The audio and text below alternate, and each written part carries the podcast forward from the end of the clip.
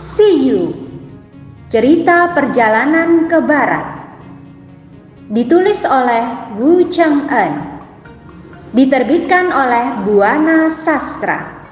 Selamat mendengarkan.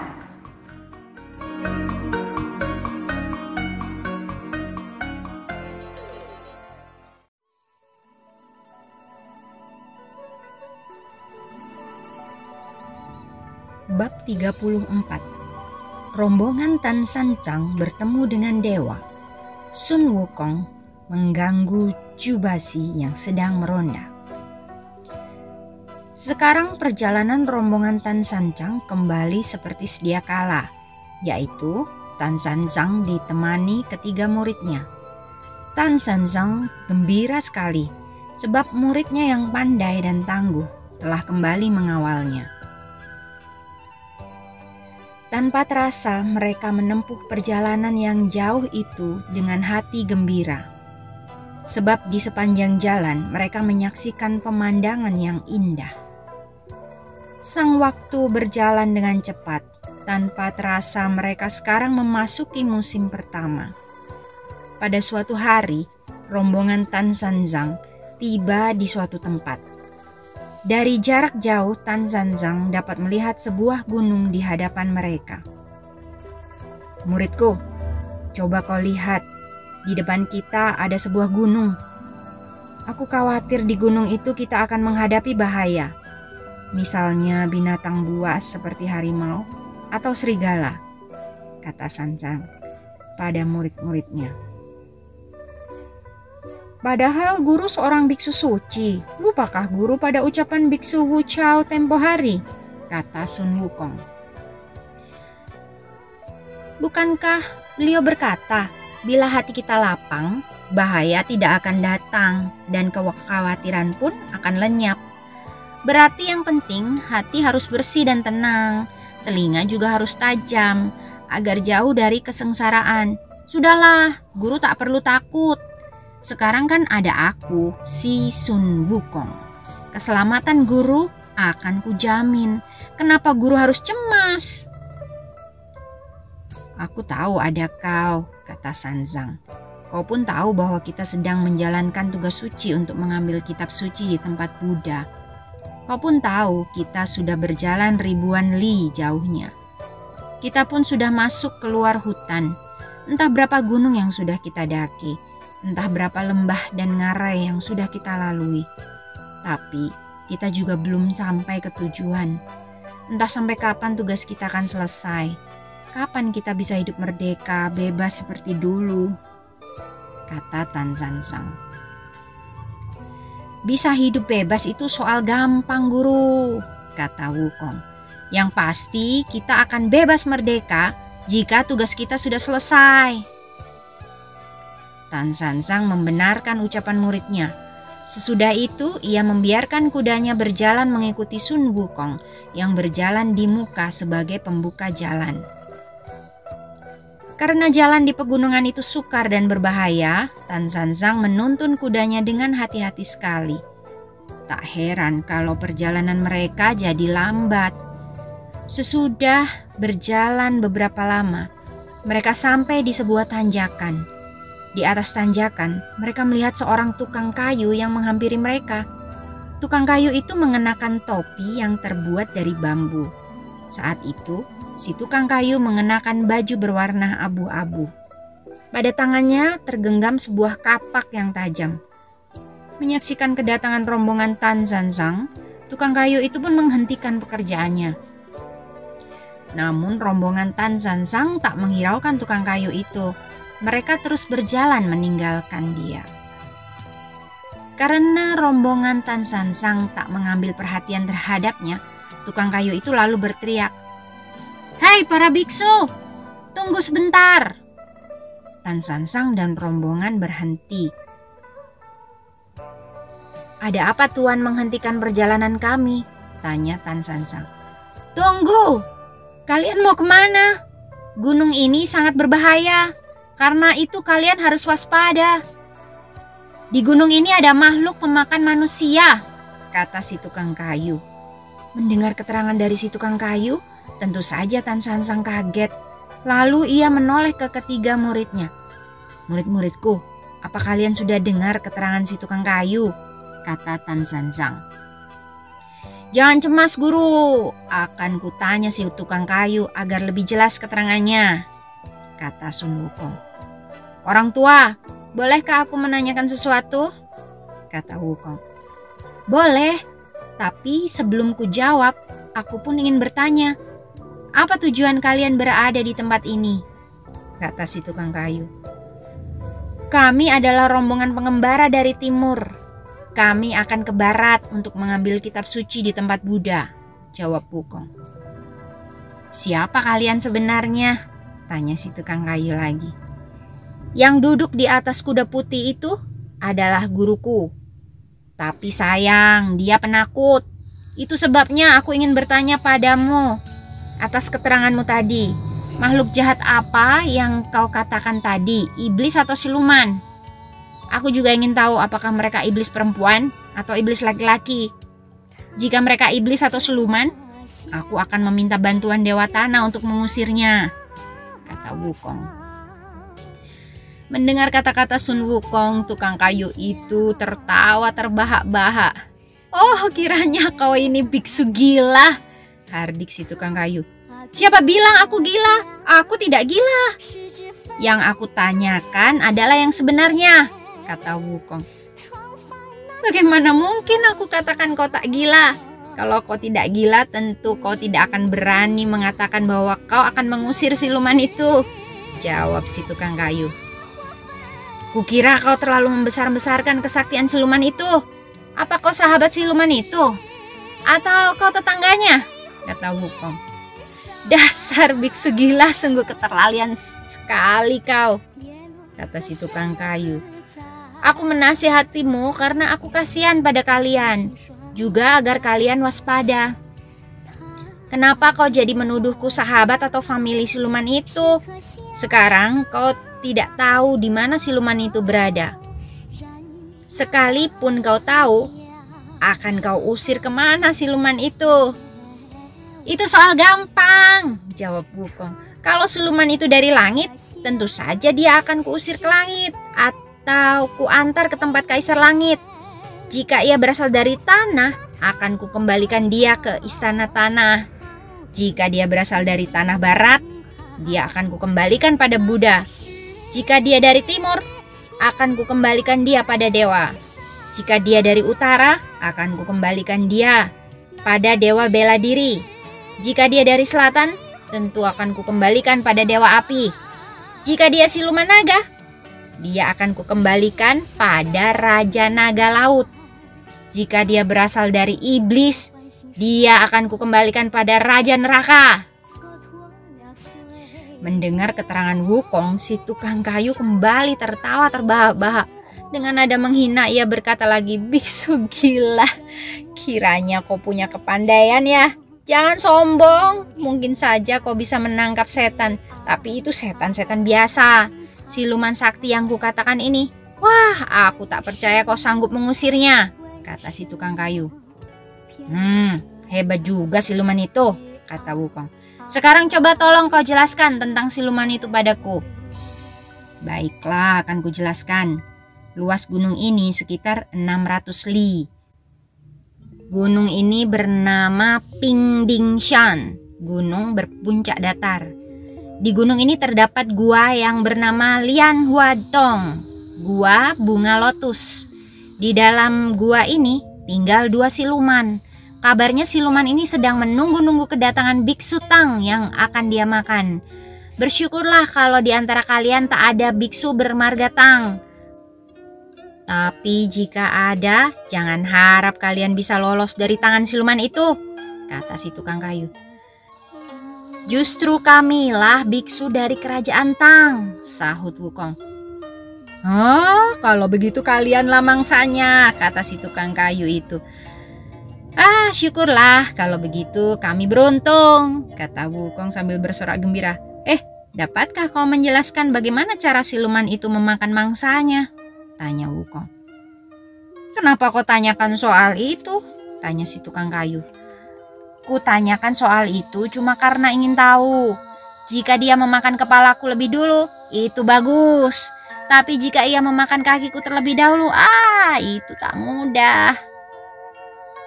Apa arti kata-katamu itu, hai biksu gila? Kata si tukang kayu. Hah, tak kusangka ternyata dalam soal ini kau belum berpengalaman, kata Wukong. Artinya begini, jika siluman itu menggigit kepalaku dulu, sekali gigit aku pasti binasa. Sesudah itu apakah aku akan dia rebus atau dia goreng tentu saja aku tak akan merasakan sakit lagi. Lain halnya jika ia memakan kakiku terlebih dulu. Pasti mula-mula kakiku yang sebelah dia makan, lalu yang sebelah lagi. Kemudian dia makan pahaku, baru dia makan pinggangku. Wah, ini celaka buatku. Sebelum aku mati, aku akan menderita kesakitan merasakan siksaan siluman itu, kata Bukong. Hei biksu, tak mungkin siluman itu membuang waktu sesudah kau ditangkapnya. Tak lama pasti kau akan ditelannya bulat-bulat. Oh, bagus kalau begitu. Aku tak takut, kata Wukong. Jika dia langsung menelanku, tentu saja aku tak akan merasakan sakit. Paling-paling aku akan merasa napasku sesak aja. Sudahlah, jangan mengigau kau. Ketahuilah olehmu siluman itu sangat pandai dan mempunyai lima macam wasiat, kata si tukang kayu. Bagus, aku tak takut, kata Wukong. Kemudian tukang kayu itu ia tinggalkan. Wukong mendekati Tan Sanzang. Tukang kayu itu benar, memang di tempat ini ada silumannya. Tapi ku minta guru jangan khawatir. Tukang kayu itu penakut, dia penduduk desa ini. Sudah tak usah kita pikirkan lagi soal itu. Mari kita lanjutkan perjalanan kita, kata Wukong pada gurunya. Karena muridnya yang sakti berkata begitu, tentu saja Tan Sansang percaya. Ketika ia akan menjalankan kudanya, ia kaget sebab tukang kayu yang tadi memberi keterangan sudah tak ada di tempatnya. Eh, ke mana perginya si tukang kayu? Kata Tan Sansang kaget bercampur heran. Barangkali dia sudah pergi mengambil kayu, akan kuperiksa, kata Wukong. Jangan-jangan kita bertemu dengan setan di siang hari, kata Bajie yang penakut. Wukong lalu menggunakan mata saktinya untuk memandang ke berbagai penjuru. Ternyata mata saktinya tak menemukan si tukang kayu. Namun, ia menengadah ke atas ia melihat di angkasa ada dewa yang sedang bertugas. Dengan cepat Wukong melompat ke angkasa untuk menemuinya. Hei setan berbulu, tegur Wukong pada dewa itu. Kiranya kau tak mau terus terang padaku. Kenapa kau menemui kami dengan menyamar jadi tukang kayu? Apa maksudmu? Kenapa kau berani mempermainkan aku, ha? Maafkan aku, Tuan. Aku terlambat memberitahumu. Sebenarnya siluman itu sangat lihai. Jadi kau harus berhati-hati terhadapnya. Jika kau kurang berhati-hati, kau tak akan sampai ke barat, kata dewa yang menyamar jadi tukang kayu itu. Sesudah mendapat keterangan yang jelas, Wukong langsung kembali ke tempat gurunya. Dari atas ia mengawasi guru dan kedua adiknya yang melanjutkan perjalanan mereka. Karena sudah mendapatkan peringatan dari dewa itu, sekarang Wukong menjadi berhati-hati. Jika aku beritahu guru tentang siluman itu, pasti guru akan ketakutan. Aku akan tutup mulut saja, pikir Wukong. Namun tiba-tiba ia berpikir lain. Jika aku diam dan tak memberitahu guru, oh pasti guru akan menyalahkan aku. Aku harus benar-benar waspada. Bagaimana kalau siluman itu berhasil menculik guru? Oh, sebaiknya Bajie ku beritahu. Dengan demikian, bila siluman itu benar-benar muncul, Baji siap melawannya. Jika ia kalah, baru aku turun tangan. Dengan demikian, aku dapat memamerkan kepandaianku pada guru. Tapi Baji kan pemalas, pasti dia tidak mau. Ditambah lagi guru sayang padanya. Ah, baiklah aku akan mengakalinya untuk mempermainkan dia. Wukong lalu menggosok-gosok matanya sampai mengeluarkan air mata. Sesudah itu, ia turun tepat di hadapan Bajie. Menyaksikan Wukong berwajah muram dan mengeluarkan air mata, Bajie terkejut. Namun sebelum bertanya pada Wukong, si babi mendekati Wujing. Saudara Xia, buntalan ini kita bagi dua saja, kata Bajie. Eh, apa maksudmu? Kenapa harus kita bagi dua? Wujing heran. Dasar tolol, Sesudah kita bagi isi buntalan itu jadi dua, kau boleh kembali ke tempat asalmu di sungai pasir mengalir untuk jadi siluman air kembali. Sedangkan aku tentu saja akan kembali pada istriku di desa Gao. Kuda putih itu sebaiknya kita jual saja. Uangnya kita belikan peti mati untuk guru saat hari tua. Mari kita bubarkan saja rombongan ini. Untuk apa kita pergi ke barat? Kata Bajie dengan suara keras. Mendengar ocehan si babi, tentu saja Tan Sansang jadi kaget. Eh, babi jelek! Kau sedang membicarakan apa? Tanya Tan Sansang. Kudengar kau mengigau bagai orang sakit panas. Siapa bilang aku mengigau? Coba guru perhatikan Kak Sun Wukong. Sekarang dia sedang menangis. Bukankah guru sudah tahu bahwa kakak itu gagah, pemberani, dan berilmu tinggi? Sekarang dia malah menangis. Aku yakin siluman yang dihadapinya sangat lihai. Itu sebabnya ia menangis. Sedangkan aku dan Wujing lemah, mana sanggup kami menghadapi siluman yang lihai itu, kata Bajie. Sudah, jangan menggigau. Biar ku tanya dia, kata Zansang yang segera menghampiri Wukong yang berpura-pura menangis. Wukong, kenapa kau menangis? Coba kau ceritakan apa yang terjadi. Kenapa kau bersedih? Tanya Tan Sansang. Guru, ternyata tempat ini sangat berbahaya dan sulit kita lewati. Tukang kayu tadi ternyata adalah dewa yang bertugas menjaga kita. Dia menasihati kita bahwa siluman di tempat ini sangat lihai. Lebih baik kita batalkan saja perjalanan kita, kata Wukong. Mendengar keterangan Wukong, tentu saja Tan Sanzang jadi ketakutan sekali. Tanpa ia sadari, ia mencengkeram baju kulit muridnya Sayang sekali kita sudah melewati setengah perjalanan. Bagaimana kita harus membatalkan perjalanan kita ini? Kata Sanzang. Aku pun tak ingin perjalanan kita berakhir di sini. Aku hanya khawatir tak akan sanggup menghadapi siluman itu. Guru harap maklum. Sebagai contoh, sebatang besi betapapun kuatnya, jika dimasukkan ke api ternyata bisa dibentuk jadi apa saja. Dijadikan paku misalnya, kata Wukong. Ya, aku mengerti muridku. Di dalam kitab ilmu perang dikatakan yang sedikit tidak bisa melawan yang banyak, yang lemah tidak bisa mengalahkan yang kuat. Tapi ingat muridku, di sini ada Bajie dan Wujing. Mereka bisa kau ajak untuk berperang bau-membau. Mungkinkah tenaga kalian tak sanggup menghadapi rintangan ini? Kata Tan Sanzang. Sun Wukong pura-pura bersangsi, tapi akhirnya ia berkata, Jika guru memaksa, Baiklah akan kucoba, asalkan guru mau mengatakan pada Bajie agar ia mau membantuku. Tapi jika Bajie mengiyakan, dia harus memenuhi janji dan taat pada perjanjian. Karena kalau tidak ya percuma saja, kata Wukong. Jika tidak sanggup, jangan banyak bicara. Kita bubar saja, Kak, kata Bajie kurang puas. Jangan kau jadikan aku sebagai umpan. Jangan begitu, Kau tanya dahulu kakakmu, kau harus berbuat apa? Jangan asal menolak saja, kata Tan Sanzang pada si babi malas dan licik ini. Si babi yang nakal dan bodoh ini akhirnya menuruti yang dikatakan gurunya. Sebenarnya kakak menyuruhku hendak berbuat apa? Tanya Bajie. Pertama, kau harus menjaga guru dengan hati-hati. Kedua, kau harus rajin meronda, kata Wukong. Menjaga guru berarti aku harus duduk, tapi meronda itu berarti aku harus jalan-jalan. Apa tugasku itu tidak aneh? Jika perintahmu kujalankan, pasti melelahkan. Sementara aku harus duduk, sebentar aku harus berjalan-jalan. Sesudah itu, aku harus duduk lagi. Wah, tugas seperti ini mana mungkin kulaksanakan sendiri, kata Bajie. Wukong tersenyum. Baiklah, kalau begitu kau harus memilih salah satu, meronda atau menjaga guru kata Wukong. Ya, kalau begitu mana mungkin aku bisa, kata Baji sambil tertawa.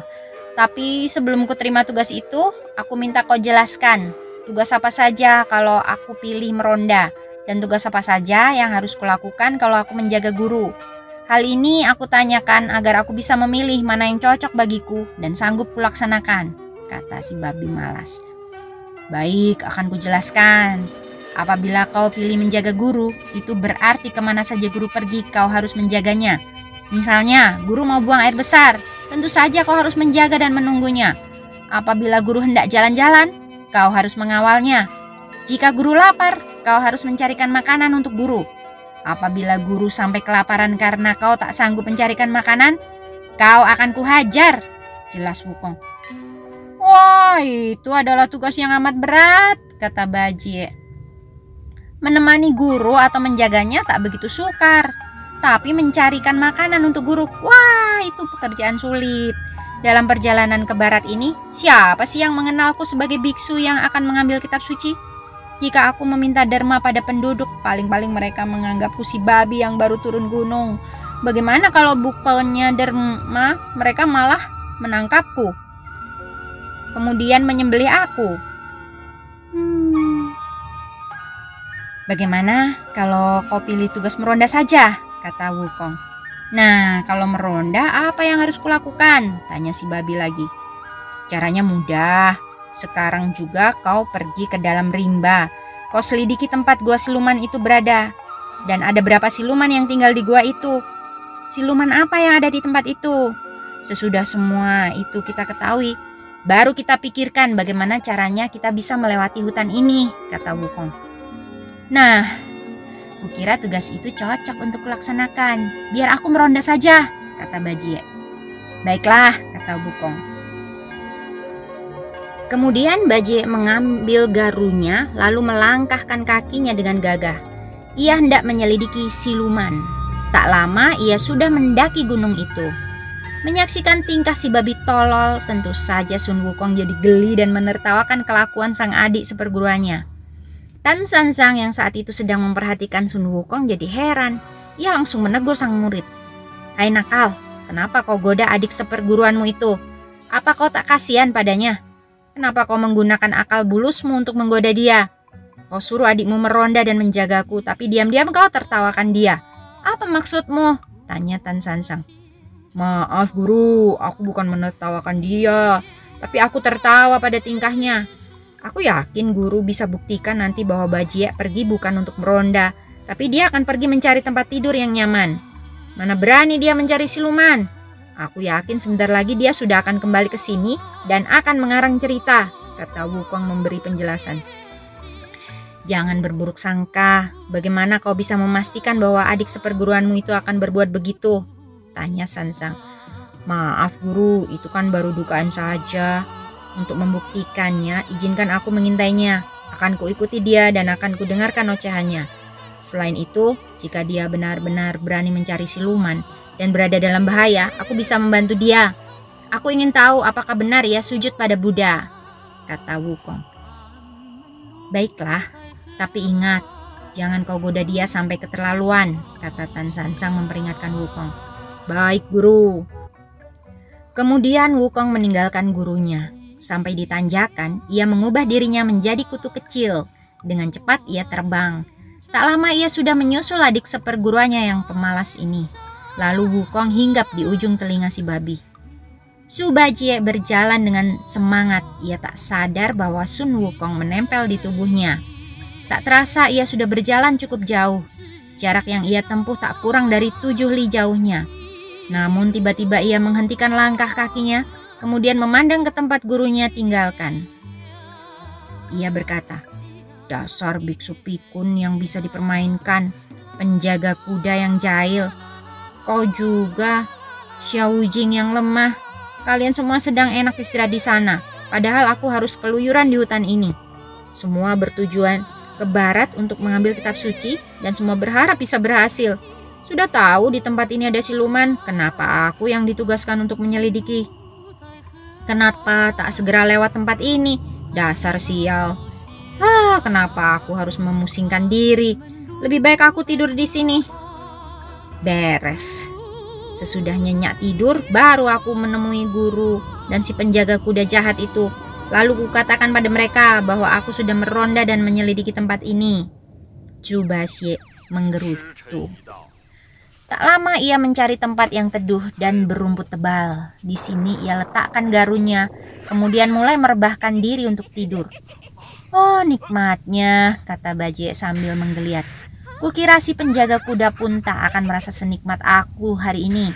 Sun Wukong tersenyum mendengar ocehan si babi malas itu. Diam-diam ia terbang agak jauh. Kemudian ia mengubah diri menjadi kutu pemakan kayu yang ganas. Tak lama Sun Wukong terbang kembali lalu hinggap di moncong si babi pemalas. Saat itu si babi belum pulas tidurnya. Tiba-tiba ia menjerit lalu terbangun karena kaget. Ketika bibirnya terasa sakit karena gigitan yang keras. Ada siluman, ada siluman. Oh, bibirku tertombak oleh siluman, teriak si babi pemalas. Ketika si babi malas meraba bibirnya, ia merasakan cairan. Ternyata itu adalah darah yang keluar dari bibirnya. Ia kaget lalu mengawasi sekitarnya.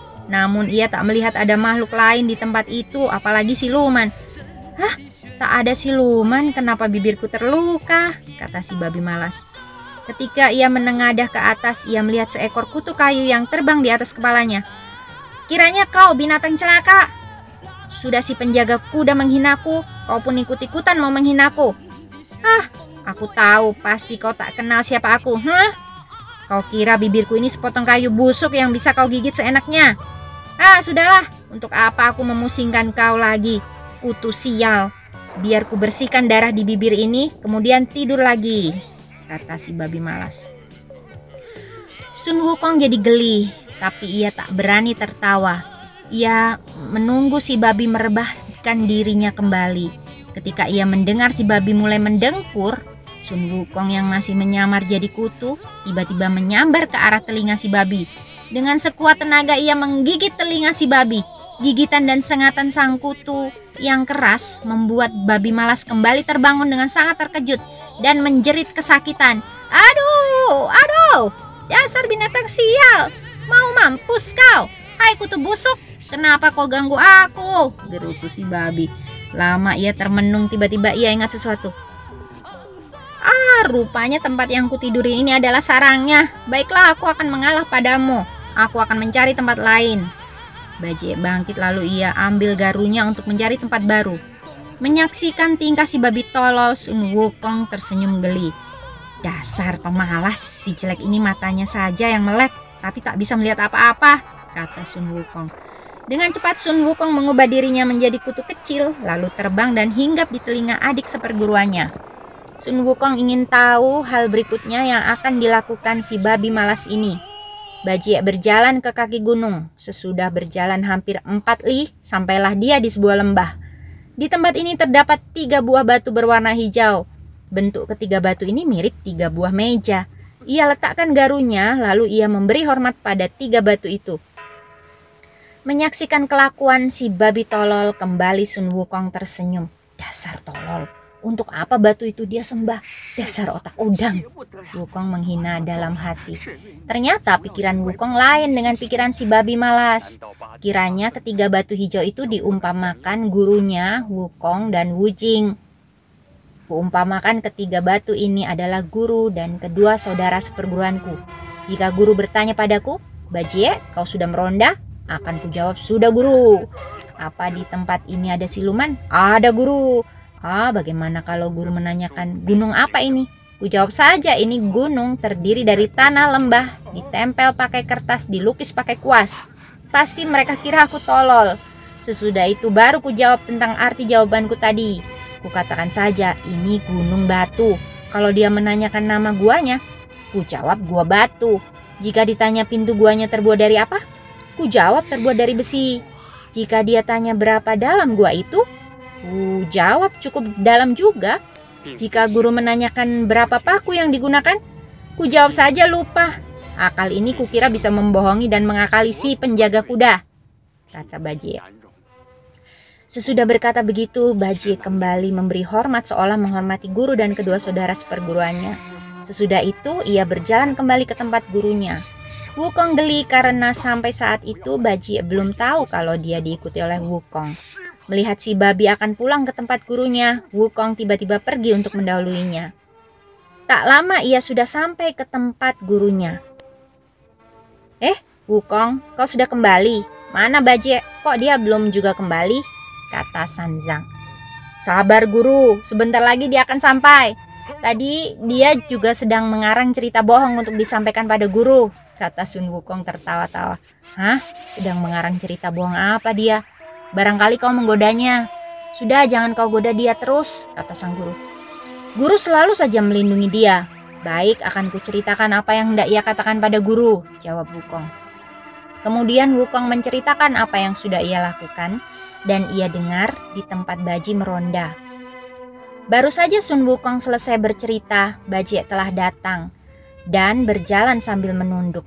Dari jauh tampak mulutnya komat kamit. Rupanya dia sedang menghafal apa yang akan dia katakan pada gurunya apabila ia ditanya.